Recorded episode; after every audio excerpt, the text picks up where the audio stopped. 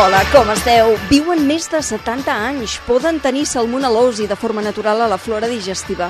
Són només algunes de les particularitats de les tortugues. Les coneixes bé? Són una espècie amenaçada. A Catalunya n'estan desapareixent nuclis poblacionals sencers. Vols saber per què? Doncs no et perdis aquest podcast, ens hi posem de quatre potes. RAC més i Wow Cat us ofereixen Animals de companyia amb Bàrbara Julve, un podcast per una relació saludable amb els vostres animals. Begging you. El biòleg Albert Bertolero, que fa més de 30 anys que estudia les tortugues, ens explicarà quines són les seves particularitats i per què estan en regressió a Catalunya. Amb el veterinari Xavi Valls de la Clínica Exòtic sabrem quines són les principals malalties que poden tenir aquests animals de companyia.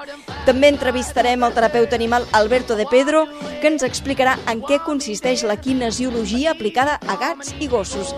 I al Bar d'Animals anirem fins a Mallorca per parlar amb en Miquel Montoro, un jove de 15 anys molt famós a les xarxes socials. Té a casa porcs, cavalls, gallines, entre d'altres.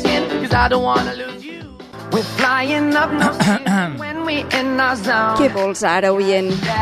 Tens una pregunta sobre les tortugues? Si trobo alguna a l'estany o caminant pel bosc o en un riuet, eh, si les toco, eh, em poso un perill eh, pel tema de la salmonel·losi? Tu sí que ets un perill. Vinga, vagi bé, que no et guanyi la llebre. De 5.000 clients ja confien en Wow Cat, menjar cuinat i cru per a gats i gossos. Podreu escollir entre 12 menús diferents segons les necessitats del vostre animal. Menús per cadells, per sèniors, per estilitzats, per peluts amb al·lèrgies cutànies.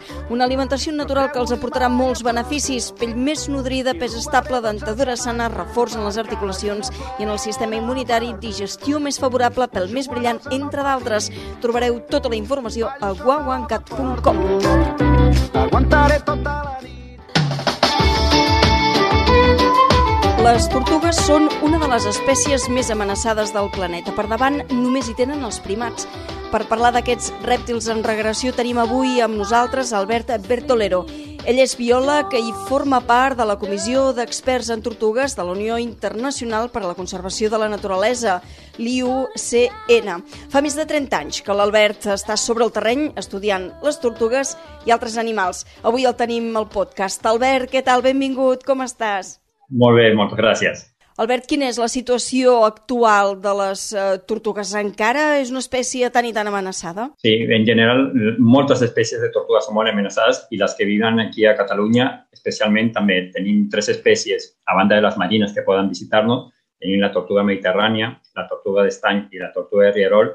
Aquestes tres espècies estan força amenaçades i d'elles només la tortuga de rierol estaria una mica en una situació una mica millor en canvi, la tortuga mediterrània eh, està realment en una regressió molt important.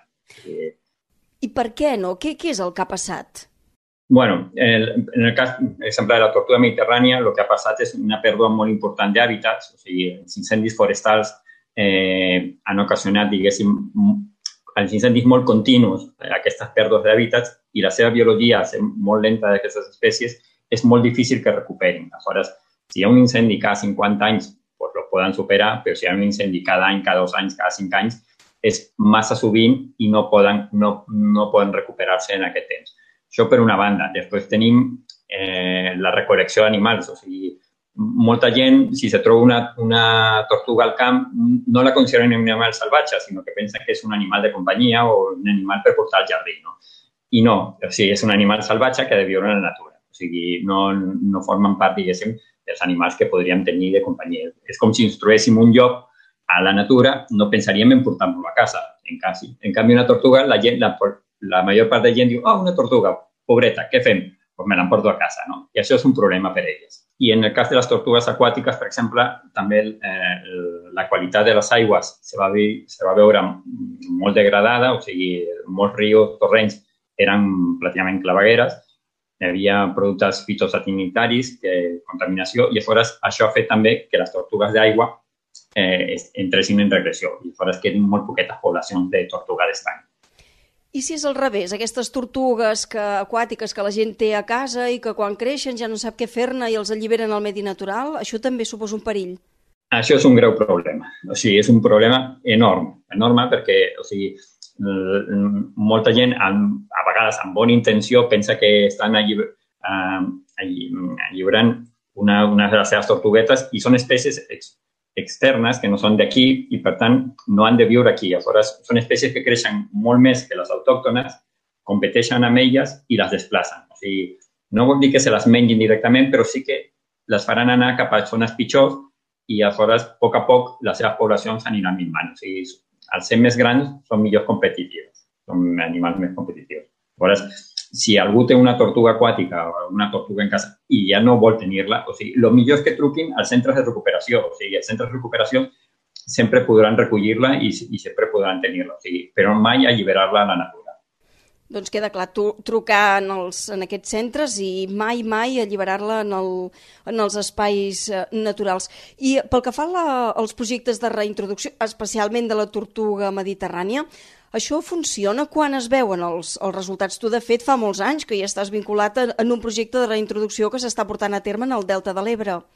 Sí, a veure, el projecte de reintroducció, el del Delta, és dels més antics que ja va començar l'any 1987 i d'aquest tenim bons resultats. O sigui, sabem que és una població que s'ha fet una població viable, però a aquests projectes li cal molts anys de seguiment. O sigui, necessitem uns 10, com a mínim 10 anys per saber si aquest projecte funciona o no. Aquí ja portem més de 30 anys de seguiment i sabem que hem aconseguit formar una població viable a partir de les tortugues que es van alliberar en aquest moment. Perquè les postes de les tortugues, eh, quines són? O sigui, la, la, la tortuga mediterrània és una tortuga petita, diguéssim, o sigui, a fora fan entre 4 o 5 ous cada, cada femella i com molt poden fer unes dues postes a l'any. Per tant, neixen poques cries i d'aquestes cries són molt poques les que arribaran a edat adulta. O sigui, només una part molt petita d'aquelles arribarà a ser un a, adulta i reproductora. Ara, quan passen dels 4 anys, 4 o 5 anys, ja sí que viuen molt de temps. O sigui, a fora poden viure desenes d'anys, 50, 60, 70 anys, sense, sense problema. Però hi ha unes fases crítiques que són els primers anys. Molt bé, doncs Albert, moltíssimes gràcies per acompanyar-nos i per traslladar-nos tots aquests coneixements que tens tu que trepitges no, el terreny sobre les tortugues. Bona feina, felicitats per la feina feta i per molts anys, que en el cas de les tortugues així és, no?, perquè tenen aquesta biologia tan lenta que explicaves. Moltes gràcies a vosaltres. Una altra. Les tortugues, així com altres espècies de rèptils, poden tenir salmonel·la en la seva flora digestiva de forma normal. Aquests bacteris no solen causar-los malalties a les tortugues, però en canvi sí que són un risc pels humans i altres animals. Parlem de les malalties que poden transmetre les tortugues als humans amb el veterinari Xavi Valls de la Clínica Exòtics de Barcelona. Xavi, què tal? Benvingut. Molt bones, Bàrbara. Què tal? Xavi, quin és el tipus de malaltia més freqüent que poden patir les tortugues? A veure, les tortugues pateixen moltes malalties pròpies d'elles. Si una tortuga femella en aquesta època que estem a, a principis d'estiu i tal, doncs pot retenir els ous, si és una femella que ha de fer una posta, eh, es mosseguen entre elles i s'infecten. Les malalties que tenen les tortugues, problemes respiratoris i tal, la major part són pròpies d'ella, o sigui, són germans o, o, o problemes propis d'aquests animals, o tortugues que cauen perquè viuen en un balcó, cauen i s'esberlen, o estan en un jardí, passa un cotxe per sobre perquè estan mig enterrades. A veure, la major part de malalties que nosaltres veiem en tortugues són pròpies d'ella, de, de, de, de, dels seus microbis i dels accidents que puguin tenir. Però sí que és cert que la major part de rèptils, en concret eh, les tortugues, que són les, les que tenim més a casa com a mascota, eh, en el seu intestí molts cops tenen una sèrie de bacteris que són propis d'ells, ajuden a digerir els seus nutrients, els seus aliments, però que a nosaltres ens poden afectar. I són els bacteris de la família de la salmonella. Salmonella, n'hi ha molts tipus de salmonella hi ha, crec que són 2.000 serotipus diferents, però n'hi ha alguns concrets que poden afectar també els humans. Per això en diem que són malalties zoonòtiques perquè passen dels animals a les persones. Què passa amb la salmonella? La salmonella és una bactèria que als humans ens pot provocar una malaltia que es diu salmonel·losis i que ens provoca diarrees. I això és bastant freqüent en, en, sobretot en nens, en, en nanos petits que tenen poca higiene, que van al parc, toquen al terra i aquestes bactèries són ubiques, estan a tot arreu. Però si sabem que la nostra tortuga, que és la nostra mascota, pot arribar a passar-nos aquest tipus de, de, de microbi, hem de prendre una sèrie de mesures. I quines serien precisament aquestes mesures? No? Si estem en contacte amb un rèptil com una tortuga, l'hem tocat, no? Eh, què hem de fer? Mireu, el factor de, el, el, el, rang de, de risc en humans són els nens petits. Per què? Perquè són els que no són conscients que després de tocar un animal t'has de rentar immediatament les mans amb aigua i sabó. Fent aquest procés, eh, eh, eliminem el 99,99% ,99 de probabilitats de que se'ns, nosaltres ens transmeti alguna malaltia un, un animal. O quan et mossega un animal, t'has de rentar bé amb aigua i sabó i hi ha molt poc risc de que, de que tinguis després un problema o una infecció. Eh, partint de que els nens petits són els, els més vulnerables, què passa? Que molts cops comprem tortugues, ens regalen una tortugueta de terra o d'aigua, eh, el nen la toca, ai, que mona, que mona, i bé, la deixes al terrari, t'oblides, et poses les mans a la boca i si aquella tortuga té en la seva flora intestinal aquests microbis, per contacte eh, pots eh, pots acumular certa quantitat d'aquestes salmonel·les i quan el nen es posa les mans a la boca o es renta el nas i, i després es llepa, pot ingerir aquests microbis i provocar aquesta malaltia. I, Xavi, aquests microbis en la flora intestinal la tenen sempre tots els anys de la seva vida perquè viuen molts anys, no, les tortugues? Clar, a veure, aquests microbis molts cops els tenen ja des de que neixen, perquè, perquè eh, o, o en els primers moments, quan comencen a menjar, adquireixen aquests eh, bacteris de, dels aliments o del sol, perquè a vegades mengen terra i tal. Clar, això conviu amb la tortuga i ningú ho sap, o, o molt poques persones ho, ho, ho saben o hi cauen. Jo que els recomano a la gent que té tortugues? Doncs un cop a l'any s'han de revisar, s'han de mirar que no estiguin parasitades, tenen una sèrie de cucs i de protozous intestinals que val la pena tenir controlats i quan jo faig l'anamnesis, que és l'estudi una miqueta de l'animal, de com viu, de què menja, etc, sempre els pregunto si tenen nens petits a casa. Si tenen nens petits a casa, no els obligo, però els oriento als propietaris de, mireu, es pot fer un cultiu, agafar una mostra d'excrement, es fa un cultiu i es mira quines bactèries té i descartem la presència d'aquesta salmonella i no només em quedo aquí, sinó miro quina salmonella és per si és alguna patògena pels humans. Perquè ja us he dit que hi ha moltes salmonelles i n'hi ha moltes que només afecten a, a, als rèptils o que no afecten a ningú. Amb la qual doncs, si tu tens un cultiu que et diu, mira, és positiu d'aquest eh, germen, doncs es fa un tractament amb antibiòtics i l'elimines del seu intestí. Molt bé, doncs mans ben netes i revisió al veterinari. Xavi Valls de la Clínica Exòtics de Barcelona. Gràcies per acompanyar-nos. Gràcies a vosaltres.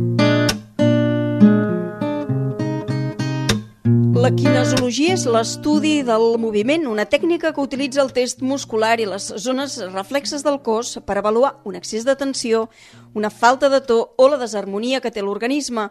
Pot aplicar-se als animals, ells poden ser uns grans beneficiaris d'aquesta tècnica que en té més detalls Alberto de Pedro, terapeuta i creador de Sanati. Alberto, benvingut, com estàs? Gràcies per estar entre nosaltres. Muchas gracias a vosotros, a vosotras. Alberto, eh, tu apliques no, la kinesiologia en humans i també en, en animals. Eh, és gaire diferent en humans i en animals o estem parlant del, del mateix tipus de teràpia?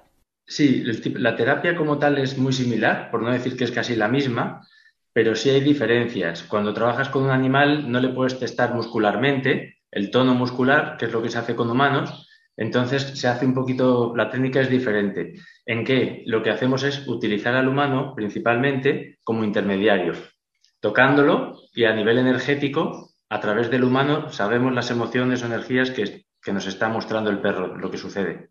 Vale, és a dir que també treballes amb el responsable de, de l'animal, eh? Sí, cuando, cuando hay un dueño, no es un animal que está abandonado, sea un perro, un gato, el que sea, eh, se trabaja principalmente con el dueño, porque las emociones que ese animal está teniendo, generalmente en el 90% de los casos, vienen de sus dueños.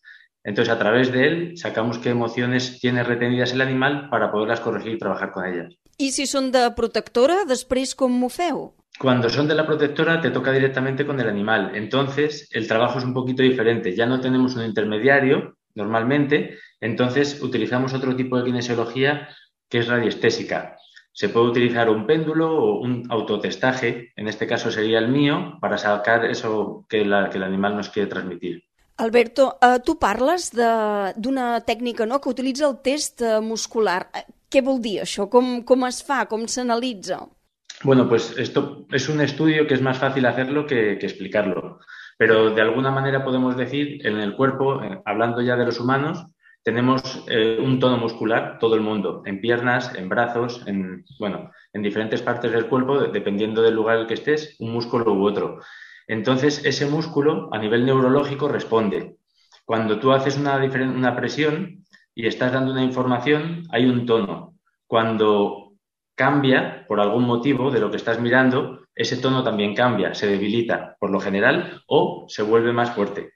Cuando hay esos cambios con la kinesiología, en ese análisis de ese movimiento, es cuando podemos saber qué está sucediendo. Y a partir de ahí es como las capas de una cebolla vamos sacando lo que estamos buscando. D'alguna manera, no? Entenem que el cos és una expressió de les emocions, dels pensaments... Exacto, exacto. Nuestro cuerpo cuando está muy rígido nos está, nos está hablando. Lo que pasa es que normalmente no lo escuchamos. Solemos seguir porque estamos acostumbrados a ir al trabajo, a hacer lo que tenemos que hacer, nos guste o no. Pero el cuerpo nos está diciendo cosas siempre, con un dolor de cabeza, molestia en las caderas, dolor en los pies. Y en el caso de los animales es exactamente lo mismo. I per quins animals serveix la quinosologia? Estem parlant de, de tots o gats i gossos, bàsicament? Todos los, con todos los animales puede hacerse. Ahora, los más los más beneficiados son perros y gatos, porque es los que más tienen los seres humanos, pero también es verdad que con caballos también sucede. Esos son los, los, los principales, pero con todos los animales podría hacerse sin ningún tipo de problema.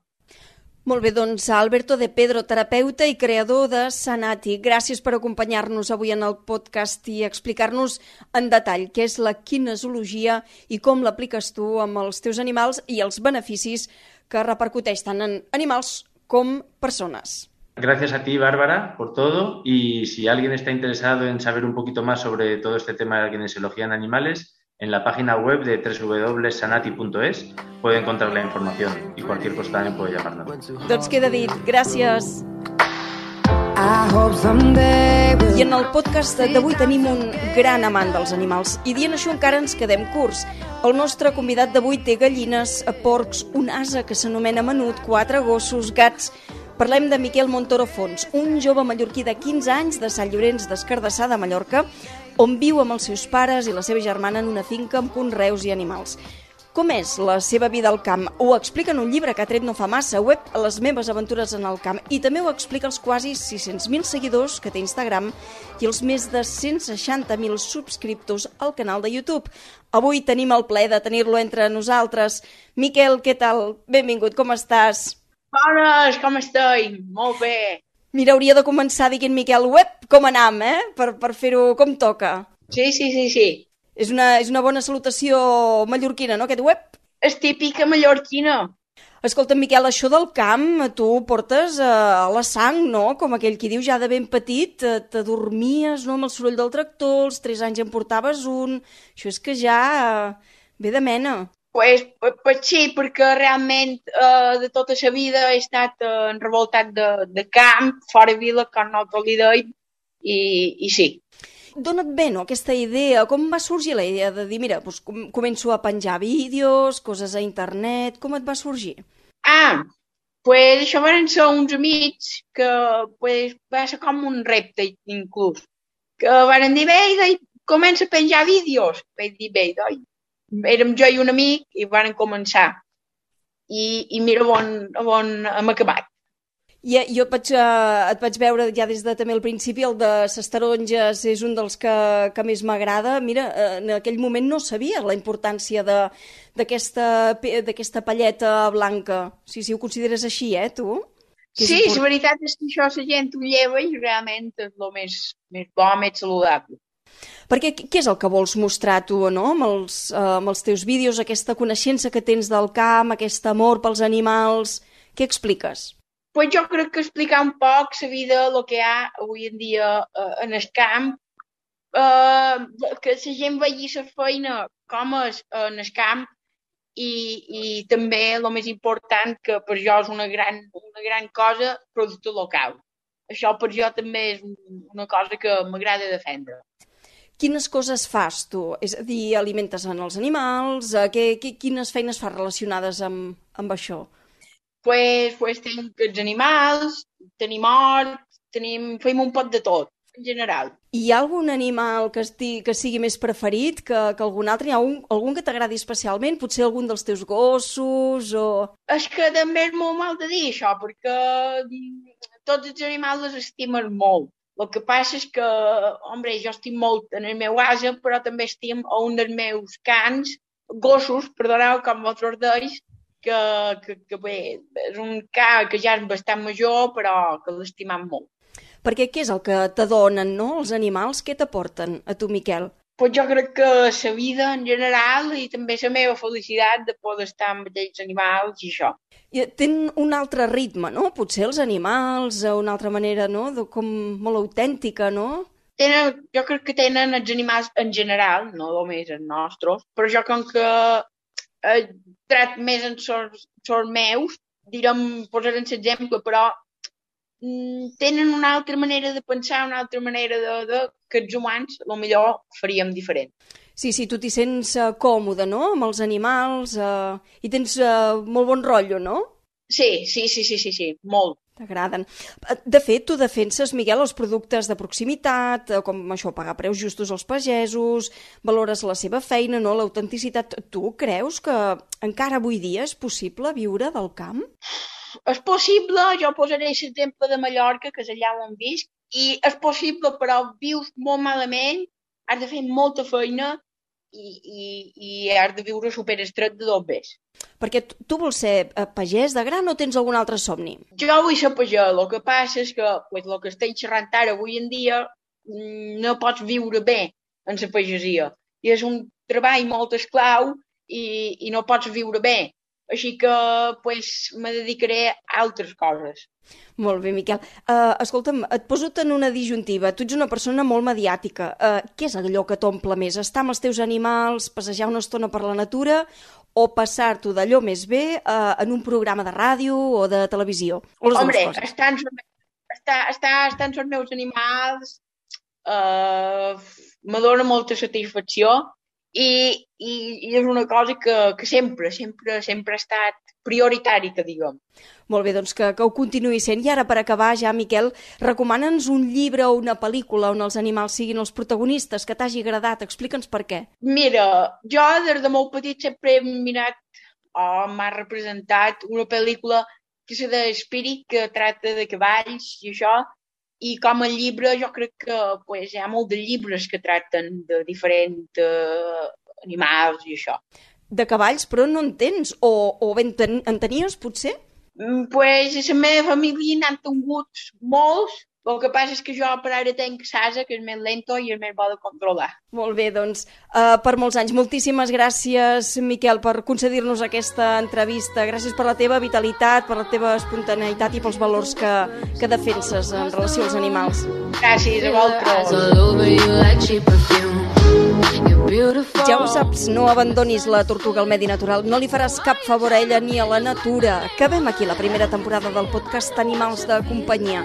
Esperem retrobar-vos a la segona amb més continguts relacionats amb els nostres estimats companys animals. Ens hi tornarem a posar de quatre potes.